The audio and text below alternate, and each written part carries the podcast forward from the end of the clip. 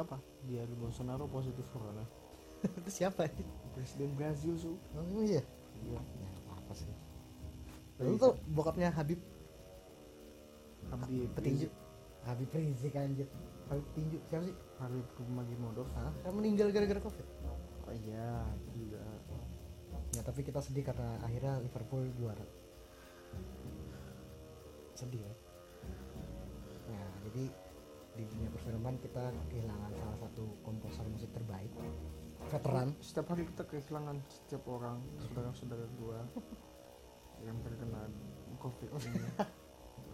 Setiap hari kita kehilangan orang. Jadi stay safe kalian yang, di mana-mana. Jadi si siapa sih namanya? Iya, Ennio Morricone. jadi Ennio Morricone yang baru aja uh, meninggal dunia. Bukan karena covid kan? Ah baik rahmatullah. Ini karena covid sih enggak ya? Bukan salah kalau nggak gua kakinya tuh patah.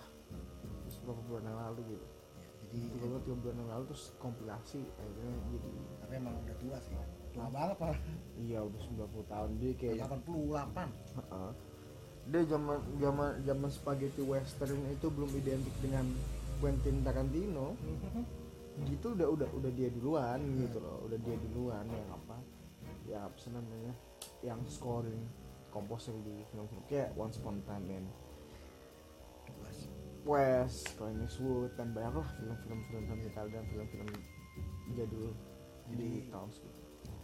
Ennio Morricone ini uh, komposer dia komposer film tapi identiknya musiknya ini musik western ya karena banyak film-film western kayak The, The Good, The Bad, and The Ugly Hmm.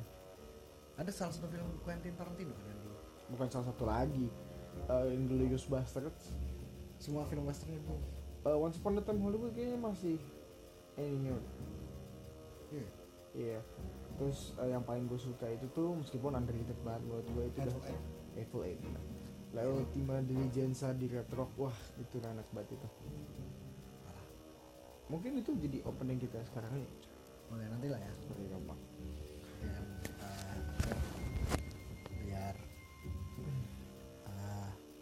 ya ya itulah kita di episode kali ini mentribut.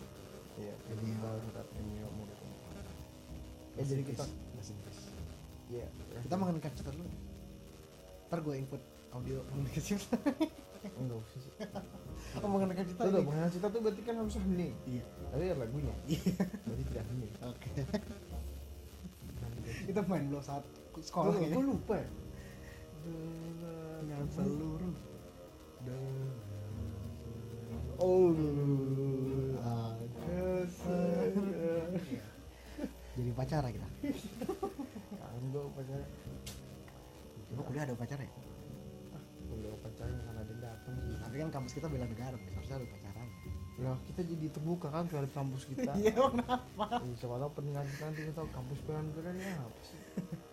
cari aja kan kampus bela negara ada tiga di Indonesia Oh iya. Nah, Ah, tiga apa aja?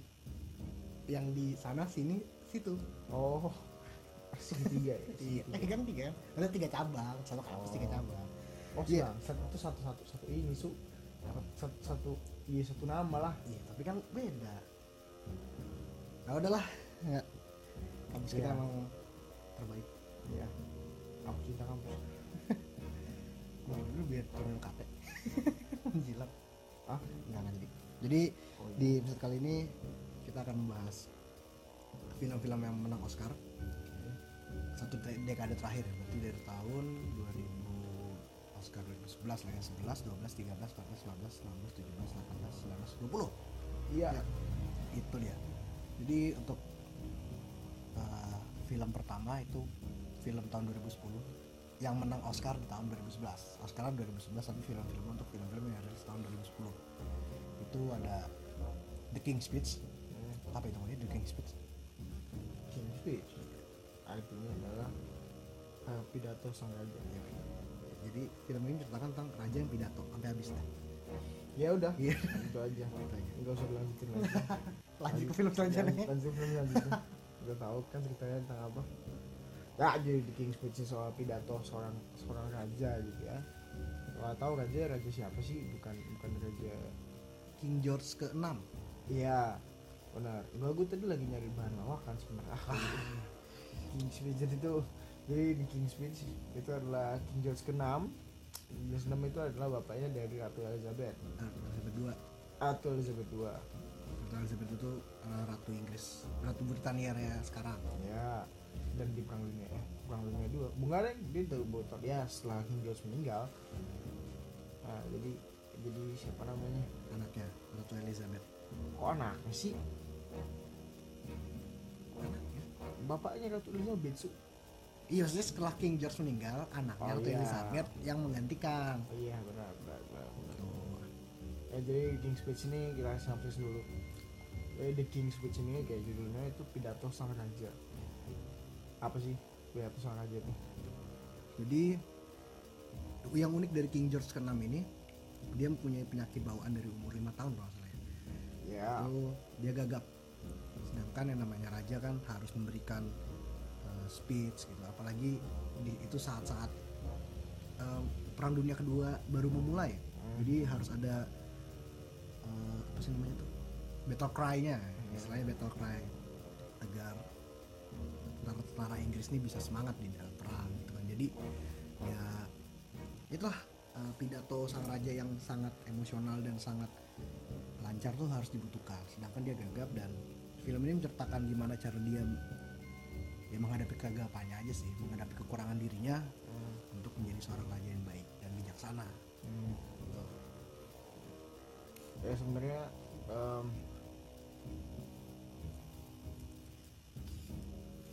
sebenarnya ke- siapa namanya King George ini cukup cukup apa sih namanya cukup bentar lah ya masanya ya lama karena karena dia itu terkena meskipun nggak dicintain cuma dia itu terkena kanker paru-paru tahun 1992 gua gak bisa bilang terkena oleh Elizabeth waktu itu masih muda ya masih masih muda gitu.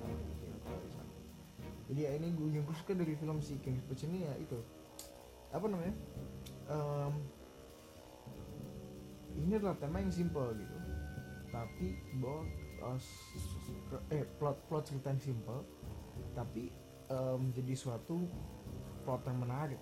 Karena sebenarnya ya semua orang mungkin tahu King George itu pada masanya. Dia adalah bapak eh, Elizabeth dan raja Inggris yang em, duduk di tahta ketika perang dunia II sedang panas-panasnya. Iya. kayak gitu. Nah itu kan dia itu tuh naik tahta tahun berapa ya 1936 ya tiga tiga puluhan lah. Ya 30-an lah. Sampai empat puluh sampai empat puluh empat. Ya. Perang dunia kedua ya mulai paling gue 40 perang dunia II 39 tuh bukan empat. Eh iya tiga sembilan. 39 di Jerman dengan iya Polandia iya di di di Ah, akhirnya Rusia berlanjut lah ke battle-battle yang lainnya. Itu kalau mau jadi satu cerita sama film-film lain nonton 1917 Band of Brothers. Band of The Brothers Pacific. Pacific. kan series lebih panjang. Terus nonton apa lagi? Saving Private Ryan. Saving Private Ryan. Ya, ya itu sekalian ya. Jadi kalau mau sejarah kalian tahu sejarah itu kita sekalian rekomendasi film yang lainnya iya. Jadi, balik ke King's Speech. Dari King's Speech tadi itu ya gitu temanya itu simple. Karena cuma ya udah sih raja raja yang gagap gitu. Raja yang gagap terus dia pengen public speaking udah selesai gitu doang gitu sih kan cuma polemik yang terjadi kayak gitu itu dalam di dalam film itu itu sungguh luar biasa gitu. Karena karena eh, selain eh, kita tuh disuguhkan dengan dua acting eh, yang luar biasa duet duet Iya, dua takdir acting yang luar biasa dari Colin Firth sama siapa? Ian Rush Oh, iya, Rush main bola. Jeffrey Rush Geoffrey Rush. ya Geoffrey Rush. Gua nggak tahu kalau kalau kalian nggak buat kalau kalian nggak tahu Colin Firth itu siapa, Colin Firth itu tuh yang uh, Kingsman, nah yang jadi Harry. ya, yang yang matanya itu lah Ya, yang matanya cuma satu, yang kedua, yang mati dia pertama. Nah, apa sih nggak lo? Eh, gue spoiler dong. Ya bodo amat lah nanti. Terus apa sih namanya? Sama. Geoffrey Rush itu kenal jadi eh, kapten Hector. Barbosa ya ini Iya. Hector Barbosa of Caribbean. Nah, tapi itu. yang gue suka dari King's Speech tuh pesannya jadi di situ kan King George VI kan mengalami kekurangan ya kekurangan untuk berbicara secara lancar karena dia gagap tapi dia tetap berusaha itu dengan kekurangannya ini dia tetap bisa berusaha menjadi raja yang bijaksana. Karena memang dalam masa-masa genting dengan polemik yang ada Hmm. dia harus dituntut menjadi itu dan bagus ya untuk memotivasi kita ya kan yang sering-sering insecure kayak gitu. Ya jadi itu King's Speech. Lalu ini masih lagi kalau misalnya speech itu yang gue suka banget dengan speech eh, gue bilang juga sebelumnya kalau kalau misalnya itu adalah production designer. Kayak gitu. Kenapa gue bisa bilang production designer. Ya kalau buat kalian nggak tahu production designer tuh berarti soal set ya. set terus prop prop prop yang main di situ itu tuh ya ya itulah pokoknya. Maksudnya ya ya itu production itulah production kenapa gue bisa bilang bagus? Kayak lihat bagusnya tuh dari mana sih? Pertama ini adalah Inggris tahun 1930-an production design gue bilang bagus karena di situ detail banget. Detail banget asli. Dari remeh temeh remeh temeh kayak hal-hal cuma cangkir terus uh, candlestick. Oi oi oi. Itu apa namanya? Oh light stick light stick wota Ya. anjir light stick light stick eh jangan. Cepet pernah kita ada wota juga. Oh iya iya. No. Anda bukan golongan kamu jadi kangen Dito. Aduh. Ah. Ya udah jadi tadi se- setnya itu tuh production design lumayan dan dan pengambilan gambarnya itu sering banget memakai wide angle. Kalau kalian tahu tuh jadi wide angle tuh di mana? Yang kamera tuh wide gitu. Lebar. Ah lebar. Dan lu tuh mas dan tuh lu bisa ngeliat gak cuma objek dari aktornya aja Iya. tapi hampir ke belakang belakangnya gitu. Dan menurut gue itu sungguh luar biasa sih. Jadi penglihatan tuh jauh gitu Ah, dan ini, dan Iya. ini bener desain dan itu enak banget nonton. Iya. Selain itu juga kayak yang tadi gue bilang tadi actingnya bagus dan ya oh scoringnya juga sangat mumpuni dari Alexander Desplat. Alexander Desplat tuh apa? Alexander Desplat. kenapa Iya dia apa? jadi komposer Ya maksudnya dia terkenal komposernya komposer seperti apa? Komposer film apa? gitu. oh banyak sih Eh, beberapa film Wes Anderson itu tuh Alexander Desplat. Ya ya. Godzilla pertama tuh Alexander Desplat. Godzilla legendary ya. Hmm. bahkan Alexander Desplat kan punya fakta unik yang dia masuk nominasi Oscar di satu tahun dari dua film berbeda. Hmm. menang dan pada zamannya King's Speech ini tuh termasuk salah satu eh, film dengan nominasi terbanyak Oscar ya? Banyak Ya. banyak Oscar itu dengan 12 sebelum sebelum nanti sebelum sebelum sebelumnya nanti eh Graffiti dua kali Graffiti Graffiti itu 14 ya? Ya dan nanti akan dikalahkan lagi oleh La La Land 15 Nah, pada zamannya 12 ini termasuk banyak juga. Ya banyak lah yang masuk nominasinya termasuk yang menangnya juga kan Colin Firth. Menang Best Actor Best Actor. Leading. Ya Best Leading Best Lead- actor in leading role. Aktor in leading role. Dan ya best picture. Dan masih banyak nominasi yang lain Ya. bagus banget buat kalian nonton ingin yang ingin mencari eh, apa sih namanya? Referensi menonton ya?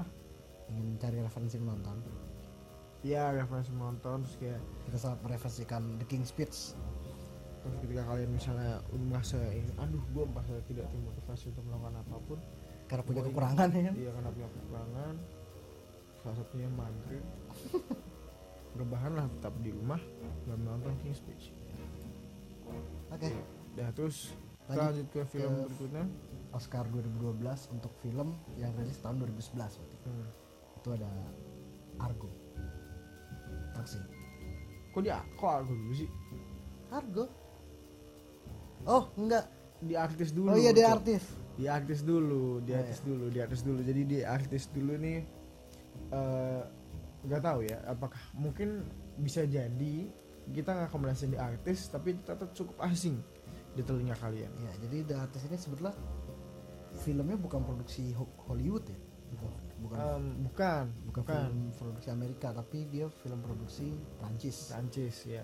Bahkan ya pemerannya pun juga pemeran Prancis. Mhm. itu Jean Dujardin. Yang dijadiin yang dia juga menang Best Actor in Leading Role di masa itu. Mhm.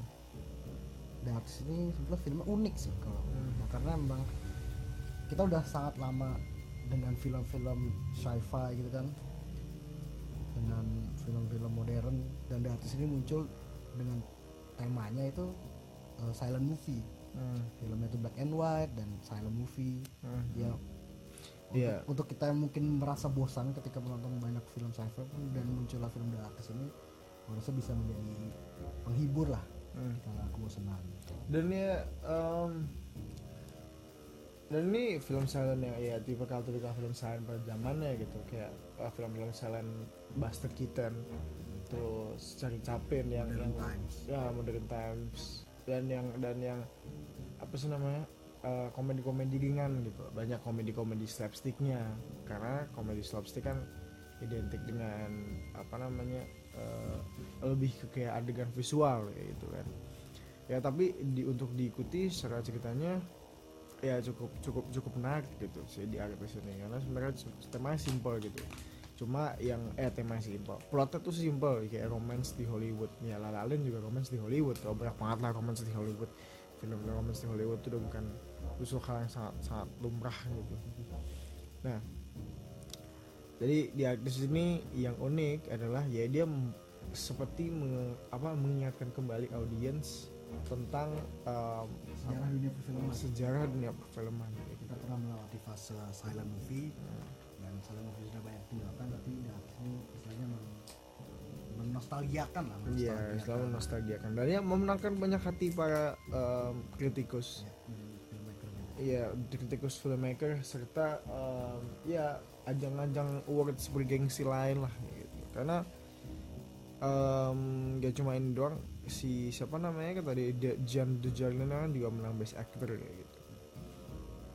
Terus di apa namanya? Di eh, apa? Dia Oscar yang tahun ini mereka tuh menang 5 cukup banyak juga 5 lumayan Iya, Best Picture si, si ya Best Picture. Best Director itu sutradaranya Michael Michael Michel Michael Hazanavikus. Ya balik lagi kita bilang Michael Hazanavikus sama siapa namanya? Sama Jan Dujardin mungkin akan jarang sekali didengar di telinga kalian gitu. Meskipun buat kalian yang sangat pecinta film sekali, kecuali kalian menonton film yang indie abis, nontonnya film-film senja, sama kopi Iya bersama kopi, tapi film Prancis. Anda yang di Prancis. ini sama Oh, iya, ya iya benar. Berarti bukan bukan kopi bro.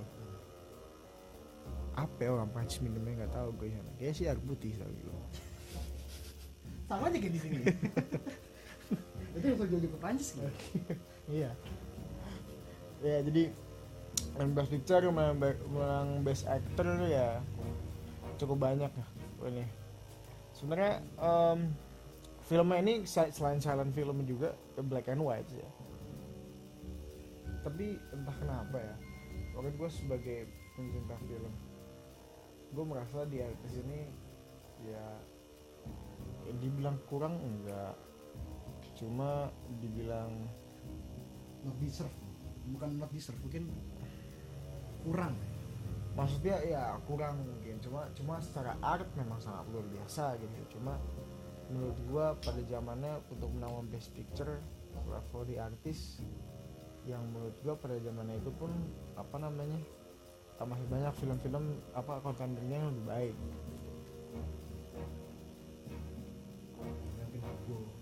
Ya Hugo. Tapi 2011 2011 itu. Bukan bukan sudah itu setahun sebelumnya. Eh setahun setelahnya. ya ya itu mungkin itu sekilas sih soal di artis. Kalau misalkan yang mau nonton komedi cukup ringan cukup enak nggak berlebihan tapi kena. Hmm. cuma ya ya. Ya bear with it aja. Dengan dengan eh, film yang mayoritas akan eh, suasana dan segala sesuatunya akan diiringi dengan story. Ya. kita lanjut ke, ke berikutnya. Film selanjutnya. Film rilis di tahun 2012 Hmm. dan Oscar itu dilaksanakan tahun 2013 yang dimenangkan oleh Argo. Iya. Taksi. Argo Lau. Argo Parahyangan. Argo Parahyangan. Jadi nama-nama kereta. Ntar kita sponsor PT KAI ya nggak? ya jadi Argo ini sebenarnya em, suatu film drama yang ini tuh eh, bukan biopic ya sebenarnya. Ya historical drama lah ya. Iya. historical drama jadi kalau nggak tahu Argo. Argo itu tuh Argo tuh kan sebenarnya artinya apa ya Argo tuh artinya apa Nama barometer ini bukan ya? Bukan cok ah nanti kita akan kasih tahu lagi kalau misalnya kita nemu kepikiran atau lupa yang pokoknya Argo Argo itu adalah historical drama di mana itu tuh di written and directed. And producer.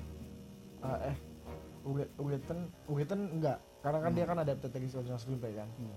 itu Di directed. directed uh, uh, eh, directed and produced by Ben Affleck dan dimainkan langsung juga oleh dan Ben dimainkan langsung oleh Ben Affleck jadi ceritanya ini historical drama. Kenapa gue sebut historical drama? Karena ini mengambil tema ketika perang dunia eh perang dunia perang Hmm, sipil. Ya. ya. Perang.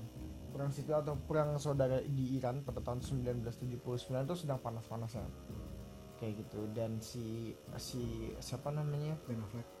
Ya Ben Affleck ini adalah seorang mata-mata ya sebenarnya dia sebenarnya CIA Iya, dia gitu. dia sebenarnya CIA tapi dia ke- berkedok menjadi seorang filmmaker. Hmm, di Iran Ah, dan apa untuk menjadi film filmmaker di Iran yang sebenarnya tujuannya adalah untuk mengevakuasi enam eh, apa namanya eh, diplomat Amerika Serikat untuk untuk keluar dari Iran gitu. Karena kondisinya waktu itu saat, saat sedang panas-panasnya.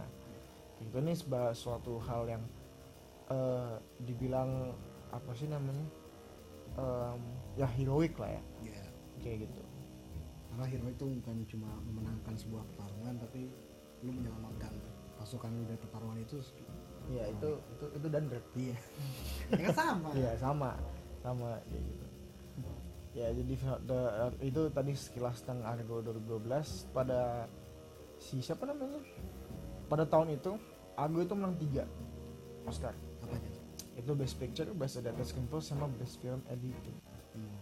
Kayak gitu. tapi bagus sih karena dari editingnya juga bisa membuat penontonnya jadi jauh lebih tegang Hmm. karena kan memang bisa evakuasinya nggak nggak semudah Lu kalau pikir-pikir filmnya mirip kayak ini No Escape Emang No Escape? Oh ini uh, Owen Wilson si- oh tapi di Thailand hmm, kurang belum tahu saya. Nanti saya tonton lagi. Ya jadi itu soal Argo. Ya intinya intinya, intinya cukup menegangkan dari awal sampai akhir dan dan, dan satu hal yang bikin menarik dari historical drama adalah ya this is something came out from real life itu dan dibuat drama jadi lebih ya lebih menegangkan lebih menarik dan ya em, adapted. Karena ini memang dari kisah kisah nyata ya jadi eh, agak kerasa kalau kalau misalnya kalian mikirnya tuh kayak kan karena seorang tuh suka mikir itu kan kayak film tuh wah ini tuh ini cerita nyata nggak ya? Ini cerita nyata nggak? Ini benar bisa nyata atau enggak? Kayak gitu. Cuma Ini- fiksi belaka. Entah itu cuma fiksi belaka kayak gitu. Ini cerita nyata. Itu yang bikin kita lebih orang bikin ngerasa kayak wah gitu. Makanya sekarang film-film yang kisah nyata suka yang based on true story lah. Itu tuh sangat-sangat ibaratnya clickbait pada zamannya gitu. Based on true story. Wah ini kayak filmnya bagus nih based on true story nah gitu. Nah Argo lah salah satunya. Filmnya bagus. Clickbait. Anak YouTube banget.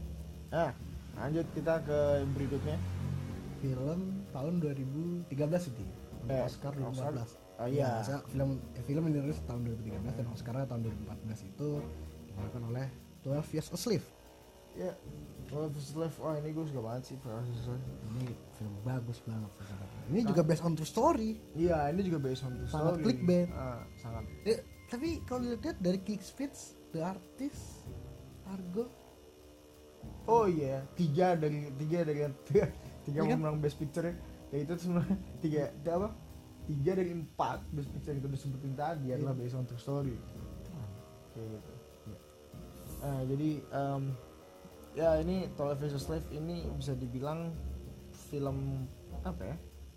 Laga para bintang Iya lagi Laga para para bintang yang kayak Indonesia apa ya apa Twelve Years a Slave itu sebenarnya dulu itu tuh film pertama ya gue yang uh, akhirnya membuka gue terhadap uh, seperti apa sih perilaku um, rasisme di United States pada zamannya setelah film The Help ya Emma Stone.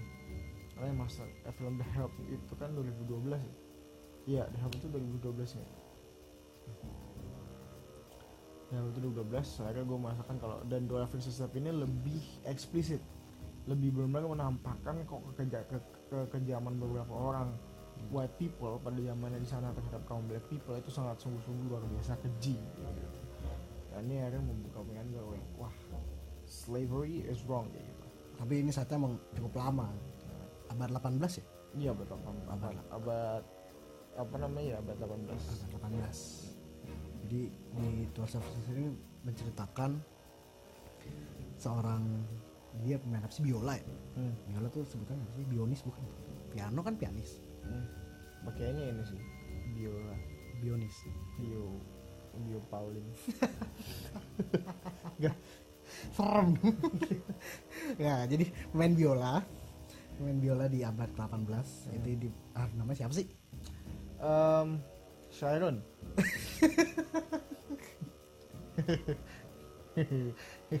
Gak tahu ya jokesnya ya pokoknya eh, diperankan oleh Civital Ejiofor Ya itu dia pemain biola terkenal.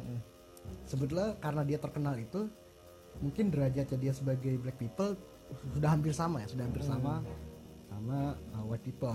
Hmm. tapi suatu saat dia diculik dan dijadikan uh, budak. Mhm. oleh orang-orang white people. Dan selama 12 tahun dia berjuang ya akhirnya dia mencoba untuk mendapatkan apa ya namanya freedom harkat dan martabat. Iya. Keren? Itu begitu namanya tuh namanya Solomon. Ah iya itu lo mengapa jadi share? Namanya Solomon. Ini Sharon Solomon. Jadi itu ini based on true story yang mungkin absahan dari ceritanya eh, agak sedikit agak sedikit ditambah-tambahin drama mungkin ya. Cuma ini tuh dari memoir. Memoir itu istilahnya apa ya kayak jurnal ya ya diri dari eh, dari si Solomon itu. Itu pada tahun apa namanya em, pada tahun 1850-an nah itu yang judulnya 12 Years a Slave kayak gitu.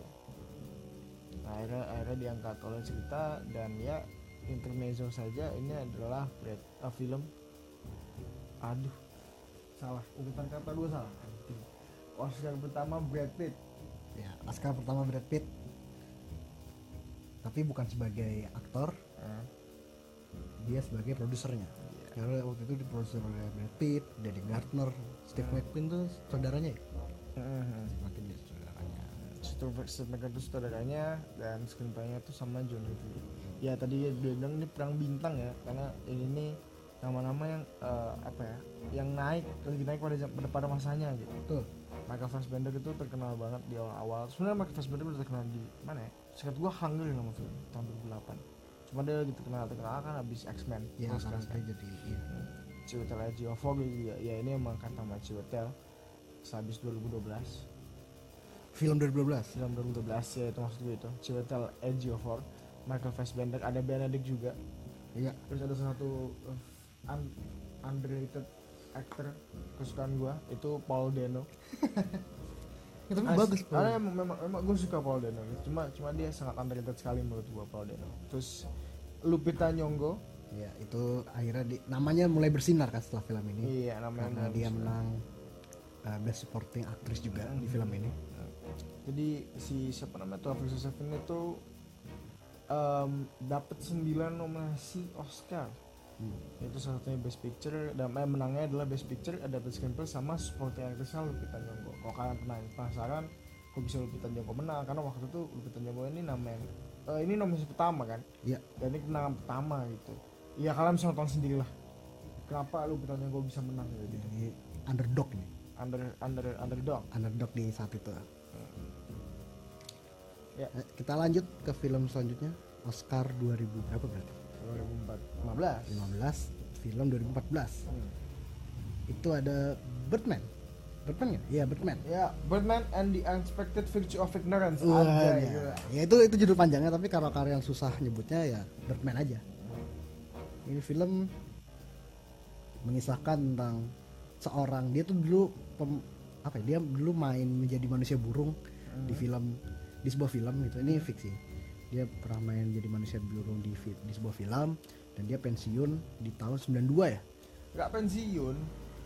Gak pensiun. Maksudnya jadi si Birdman ini tuh ibaratnya beranggap aja Birdman ini sebuah karakter superhero Marvel. nah Kayak gitu pada zamannya yang sangat sungguh-sungguh luar biasa terkenal. tapi udah udah bikin seri seri seri seri seri tapi lama-lama ya eh bikin sequel sequel sequel lama-lama karirnya turun turun turun turun turun turun akhirnya dia jadi aktor di Broadway aktor dan ngeproduserin eh, apa namanya play di Broadway Jadi Broadway itu eh, teater drama di Amerika yang sangat Iya. terkenal. Ya ada di New York. Hmm. Dan akhirnya si siapa sih namanya? Gua nggak tahu. Pokoknya nama pemeran itu Michael Keaton. Hmm. Namanya Michael Keaton dan Michael Keaton ini selama di Broadway pun dia juga masih dibayang-bayangi ya oleh masa lalunya Hmm. untuk kembali menjadi Birdman. Hmm, ya jadi lucunya ini adalah Michael Keaton itu ya ini kurang lebih mir- apa ya agak sedikit mirip-mirip dengan kisahnya Michael Keaton yang sebenarnya gitu Iya. Karena Michael Keaton dulu itu memerankan film Batman Iya, Kalian dia tahu jadi- Batman yang yang membawa Batman terkenal karena dulu tuh kan lebih terkenal film DC ini kok kalian nggak tahu nih kalian MCU MCU fanboy DC itu dulu jauh lebih terkenal dibandingkan M- Marvel betul. Karena Ah. gua kalau nanya anak kecil lihat tangga-tangga begitu, pasti mereka lebih suka superhero pasti jawabannya dulu adalah Batman, Superman. Nah, dulu Superman aja dari tahun 50 filmnya tuh udah banyak gitu Banyak banget. udah ada berapa ya gue nonton semua tuh enam Kan yang Chris- eh, Chris- pemerannya pertama siapa? Christopher Reeve. ya? Christopher Reeve Christopher Reeve tiga ya? Tiga film maksudnya. empat film gue Empat empat Christopher Reeve tuh film Christopher Reeve tuh empat film terus Superman Return Ya. sama Man of ya Steel. udah Man of Steel dan ya setelah setelahnya ada Superman jadi ya itu empat terus terus Batman pun dengan dengan dengan ba- lebih banyak lagi itu dengan aktornya sampai ganti berkali-kali itu ada Val Kilmer Baru pertama dulu dong. ah ya pertama dulu Adam West. ya ada ada ya ada West tahun 60-an series kan Iya, itu series. Adam West baru masuk ke si Michael Keaton. Keaton, Val Kilmer sama George Clooney Iya. nah pas pas zamannya Michael Keaton ini Batman sudah naik naik kok kalian nggak tahu filmnya Batman yang mana Michael Keaton itu yang yang ada 89. ya itu yang Joker Iya. Joker Jack Nicholson itu itu Batmannya Michael Keaton terus yang Michelle Pfeiffer Catwoman sama Penguin Penguinnya Danny DeVito Iya, itu nah itu Batmannya Michael Keaton 92 ini. Iya, 92. Eh, jadi ya tadi kita bilang itu sedikit intermezzo tentang Batman dan Michael Keaton. Jadi emang mirip, agak sedikit mirip gitu. Cuma ya nggak nggak nggak ended up in Broadway sih memang. Iya. Nah, itu. Jadi itu sedikit plotnya. Kalau dia adalah struggling actor yang akhirnya hmm, malah pindah ke teater, teatrikal drama eh, di Broadway. Jadi ya dia menang Best Picture. Terus apa lagi ya? Sinematografi. Ya sinematografi sama apa apa lagi ya? Oh, best director kalau bisa lupa. Best iya. directornya Alejandro González Iñárritu dan best sinematografinya adalah Emmanuel baik. Ini adalah gelar keduanya ya, beruntung. Iya, gelar kedua beruntung. Belum. Eh, gelar kedua beruntung benar Oh, karena sebelumnya- sebelumnya Graffiti. Graffiti. Iya.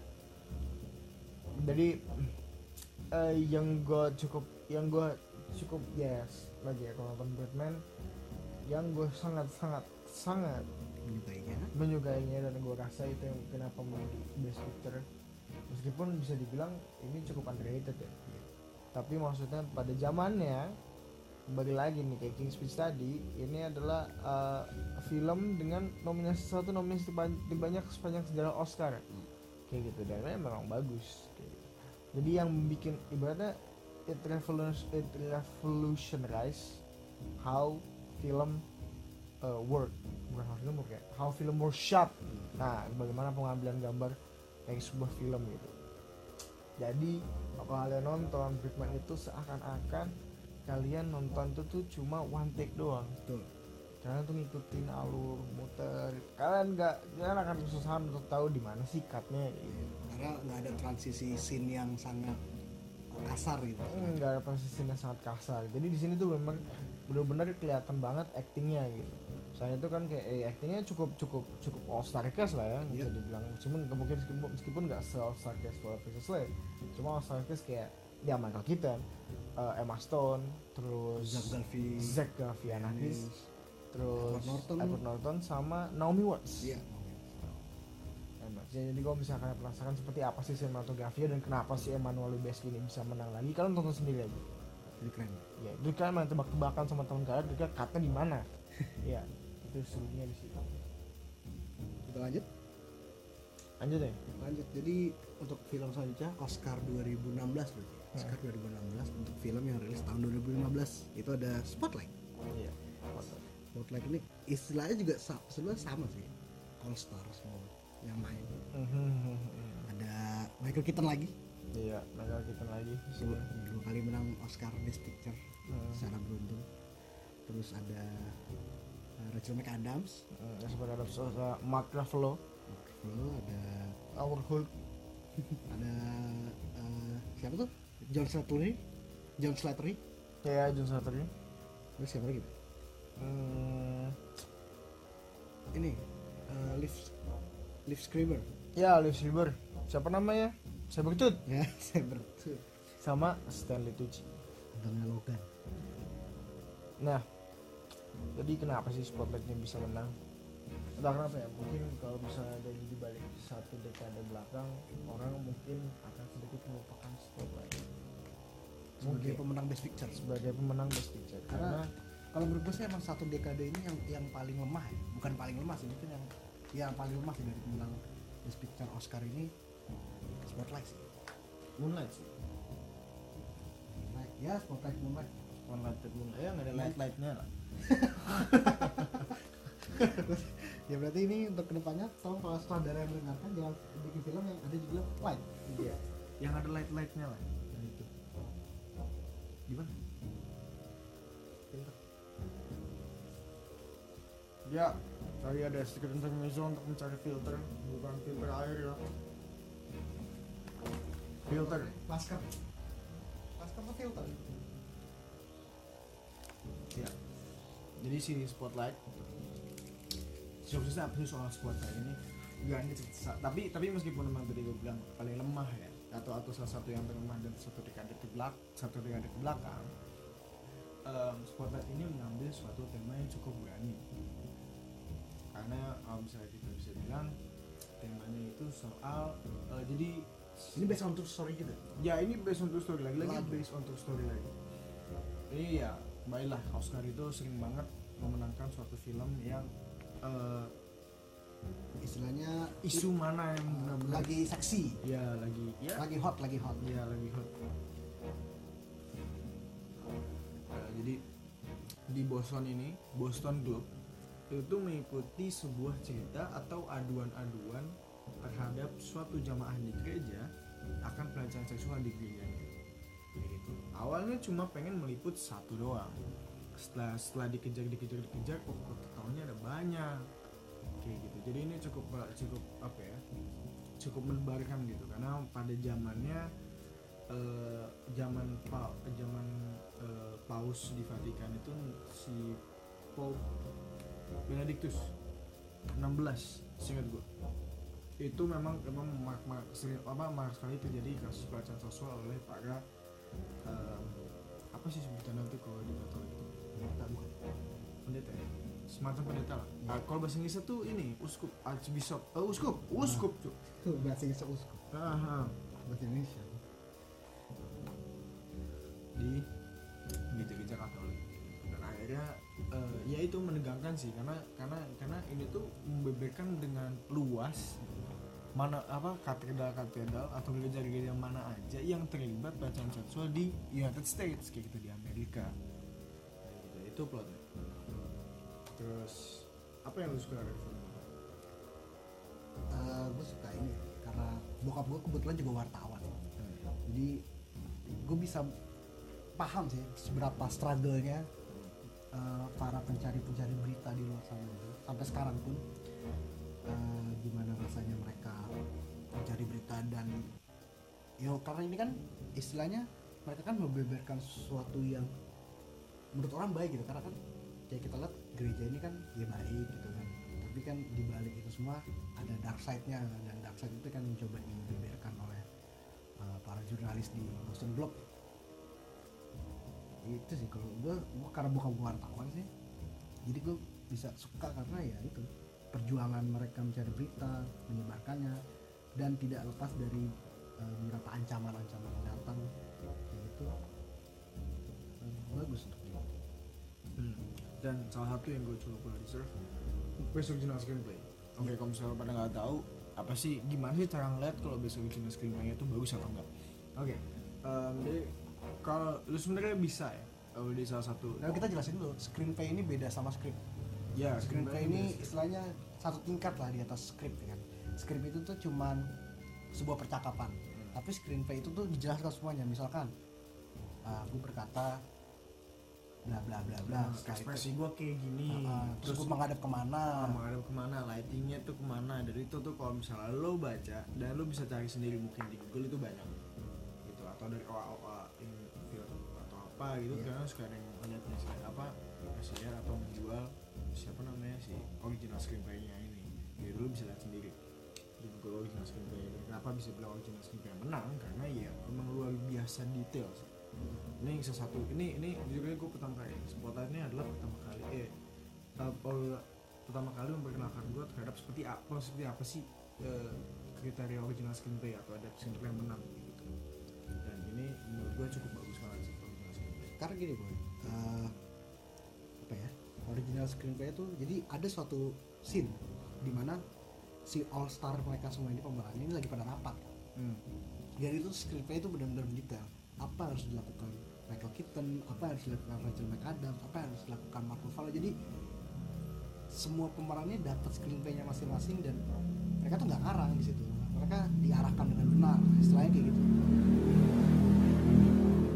ya itu kalau yang mau nonton another base another best picture yang based on true story spotlight tapi ya mungkin menurut gue ya meskipun cukup underrated dari satu dekade terbelakang tapi ceritanya menurut gue yang paling bagus Hmm.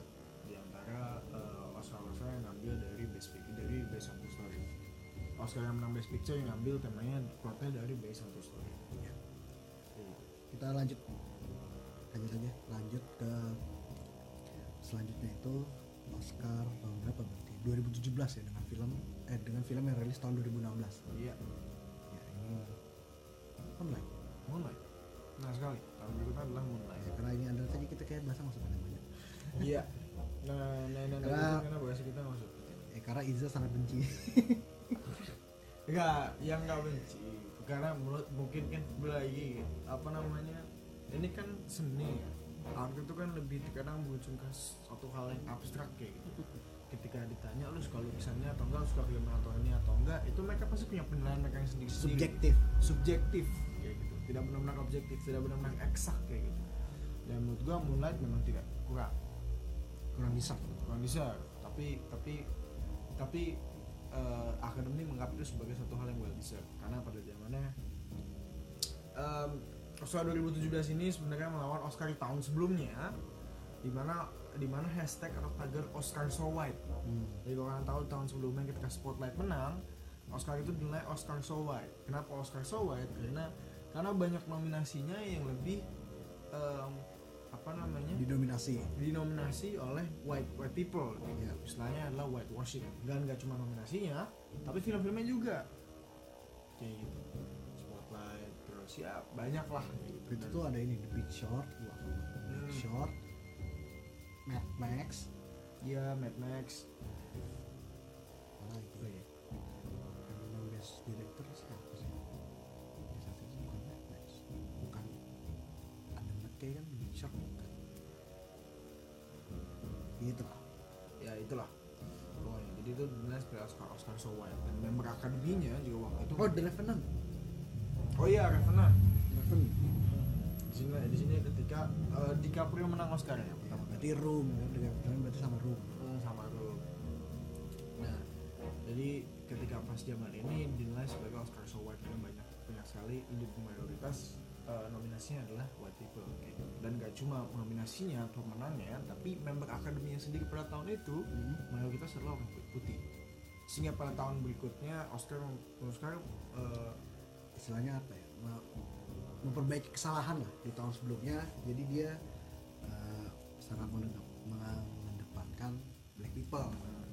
satunya yang menjadi kontroversi adalah menangnya Moonlight karena karena ketika Moonlight menang nih ada salah satu temen gue Lusti dia langsung nanya ke gue Pro kenapa sih Moonlight bisa menang terus gue gak bisa jawab Iya, ada satu lagi teman gua, Tori. Dia juga nanya gua kayak gitu. kenapa Moonlight bisa gue nggak bisa jawab karena emang nggak bisa sebetulnya Hmm. Ya, sebenarnya ceritanya simpel gitu. Ya emang bagus sih, apa namanya? em, apa ya? Ibaratnya Moonlight ini adalah boyhood. Boyhood kalau tahu film Boyhood, Boyhood itu film karya siapa namanya? Richard Linklater. Itu 12 tahun. Itu tuh sebenarnya flat aja gitu, tinggal ngikutin kisahnya si si si Boyhood ini, si anak ini selama 12 tahun. Kayak gitu. Nah, mulai tuh kurang lebih kayak gitu. Ya itu cuma tinggal ngikutin orang ini karakter namanya Shirol. Karena menurut gue ya sebenarnya cukup bagus karena isunya cukup relatable pada ta- pada zamannya. Ya mungkin sampai zaman sekarang juga kali ya. Hmm. Tahun 2016 itu tuh kan eh, identik atau terkenal banget dengan ya jadi march. ba- baru muncul LGBT loh baru, Hmm, baru booming baru, lah baru booming gitu. Istilah Sebenarnya udah LGBT. lama cuma baru baru baru booming banget tahun 2016 LGBT. Dan Moonlight itu membawa tema itu. Jadi tidak hanya soal black people Mhm. yang minoritas, tapi juga si Sharon ini lagi. Ya kayak gitu. Dan kayaknya itu ya menangnya karena isu tersebut. Kita nggak bisa bilang pasti karena itu. Benar karena ya lagi-lagi ini spekulasi gitu. Apakah benar atau tidak? Ya hanya member Academy Awards dan dan member Academy Awards. Dan Tuhan yang dan member Academy Awards. Yang tahu. Nah, jadi selain menang Best Picture, Moonlight pun juga menang Best Supporting Actor iya dimenangkan oleh Marcel Ali. nah ini well deserved Iya, kalau Marcel kalau Ali. Marcellanya well deserved kalau Chocolate ini memang well deserved Mungkin kepanjangan bahas Moonlight, jadi kita langsung skip aja. nah kita bahas soal lain ya Enggak, enggak.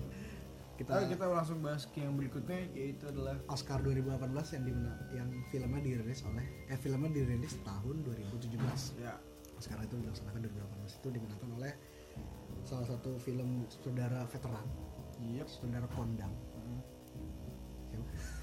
Guillermo Guillermo del Toro. Judul filmnya itu The Shape of Water. Shape of Water. Jadi menceritakan kisah cinta antara Sally Hawkins sama Ed. Ya. Ed. Ep di manusia ikan di Hellboy. Kalau kalian tahu Guillermo del Toro itu adalah sutradara dari film Hellboy juga. Dan salah satu karakternya, salah satu temannya si Hellboy ini siapa namanya? Ep ini manusia ikan. Itu singkatan. Nama panjangnya Abraham Lincoln. Abraham Lincoln. Iya. Namanya ada ini ada. Ya kita kenapa bahas Abraham Lincoln ya dan nggak bahas Ep-nya juga. Jadi kita bahas soal si Shape of Water. Mungkin lagi-lagi agak kurang agak kurang apa ya? Agak kurang em, Bisa. Mungkin kurang sampai telinga orang-orang Indonesia seperti ya Iya, iya. Shape of Water. ya. Tapi ini ya lumayan bagus sih. Apalagi aktingnya Michael Shannon sih. Iya, acting Michael Shannon dan iya acting Michael Shannon benar-benar kentara banget sih. Benar-benar bagus banget. Jadi kalau kalian tahu sinopsisnya Shape of Water itu apa sih? Kenapa Shape of Water? Jadi lagi-lagi mungkin ini agak sedikit me- mengangkat tema LGBT. Kenapa bisa LGBT? Gue LGBT gue bilang Karena pesannya itu kita bisa mencintai semuanya, Iya, kita bisa mencintai apa saja, apa saja. bahkan yang bukan manusia sekalipun. Betul. Bukan berarti meja. Bukan berarti guling, Iya, tapi makhluk. mahal. Jadi ceritanya ini Tapi kalau kalian suka sama meja, sama guling silahkan aja. tapi jangan dinikahkan. Nggak apa-apa, nikahin tiang boleh. nah itu intermezzo.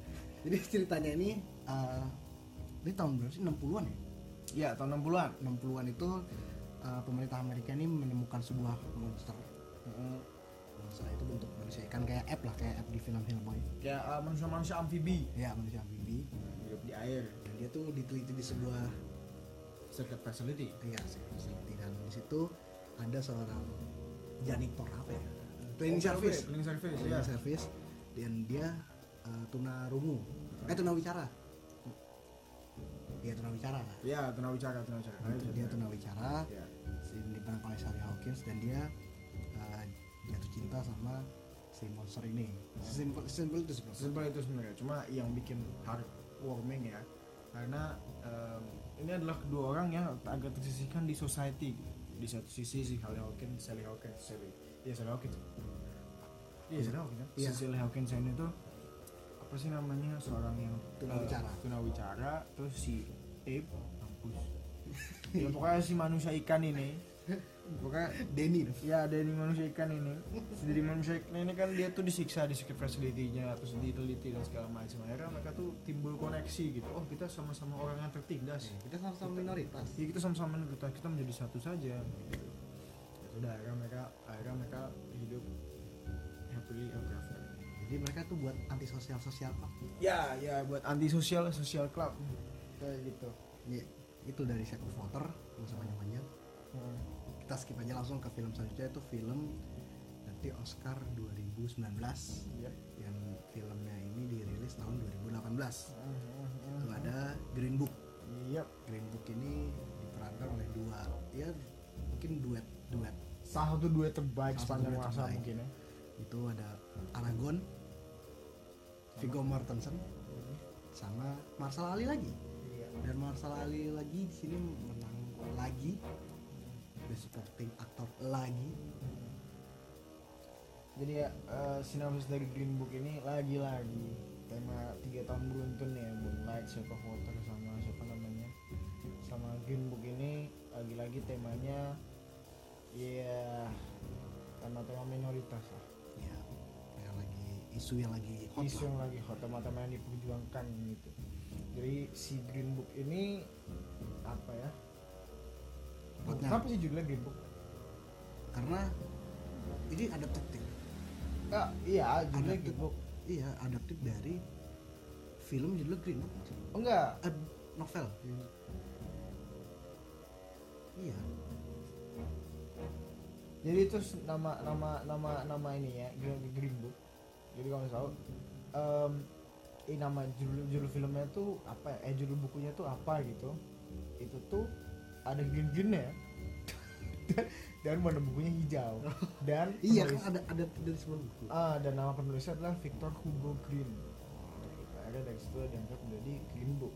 Padahal nggak ada urusannya sama Green Book sama sama plot filmnya. ah plot filmnya nggak ada. Kayak gitu jadi plot filmnya ini mirip sama eh, Driving with Miss Daisy. Iya. Itu ada. Morgan Freeman iya makan jadi film ini menceritakan tentang si Marshall Ali ini. Dia ini pianis terkenal.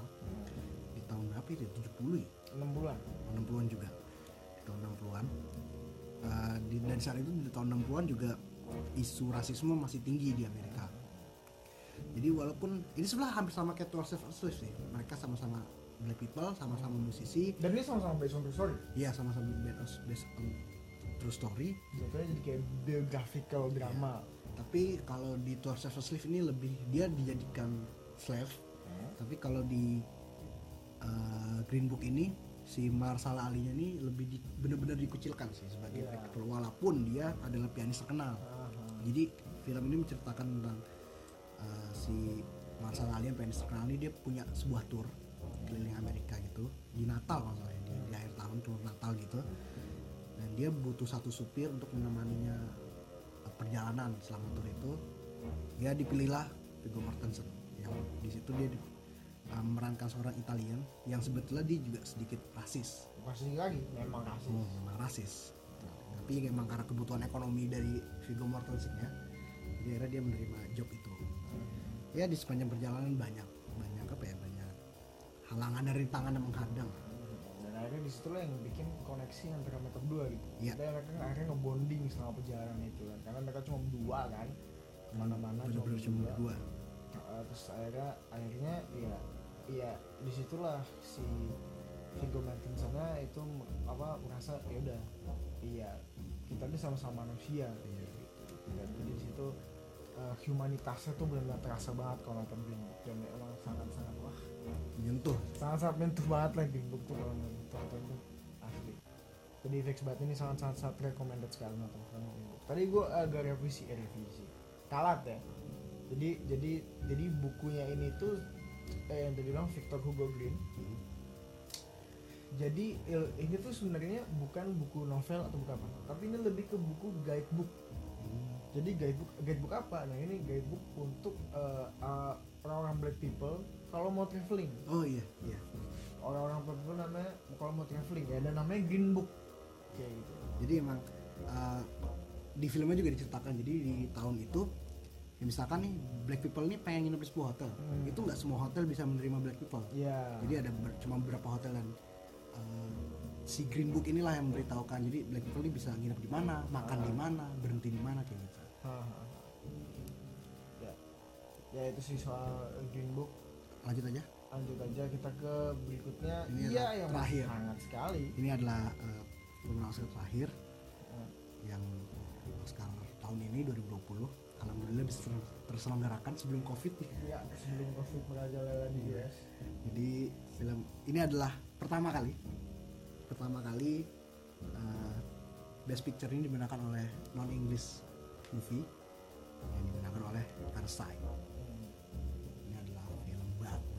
mungkin mungkin pendengar udah pada banyak yang nonton sih Parasite karena langsung booming. Satu dekade terakhir Parasite yang terbaik. iya terbaik. Kalau misalkan tadi banyak film yang kita sebutkan kita urutkan dari nomor satu. Nomor satu Parasite Iya nomor satu Parasite. pasti. Nah, jangan bilang kita nomor 2 sampai 10 nya apa eh, ya udah itu nggak bisa diapa-apain. Itu bisa ditukar-tukar. Kita mungkin bisa kita mungkin bisa beda-beda lagi apa kalau kita ngomong sekarang besoknya mungkin kita bisa beda lagi gitu. Sama yang nomor 2 nomor 3 apa gitu kita bisa beda lagi. Cuma kalau pakai saya Udah fix fix fix, lah. fix, banget. nomor satu. Emang. jadi mungkin plotnya simpel aja karena gue rasa udah banyak yang nonton sih jadi Parasite ini menceritakan tentang sebuah keluarga yang numpang hidup lah istilahnya numpang hidup di sebuah keluarga yang kayak gitu sebenarnya isu yang dibangun nggak nggak terlalu hot ya tapi memang ini tuh sudah terjadi sekian lama Hmm.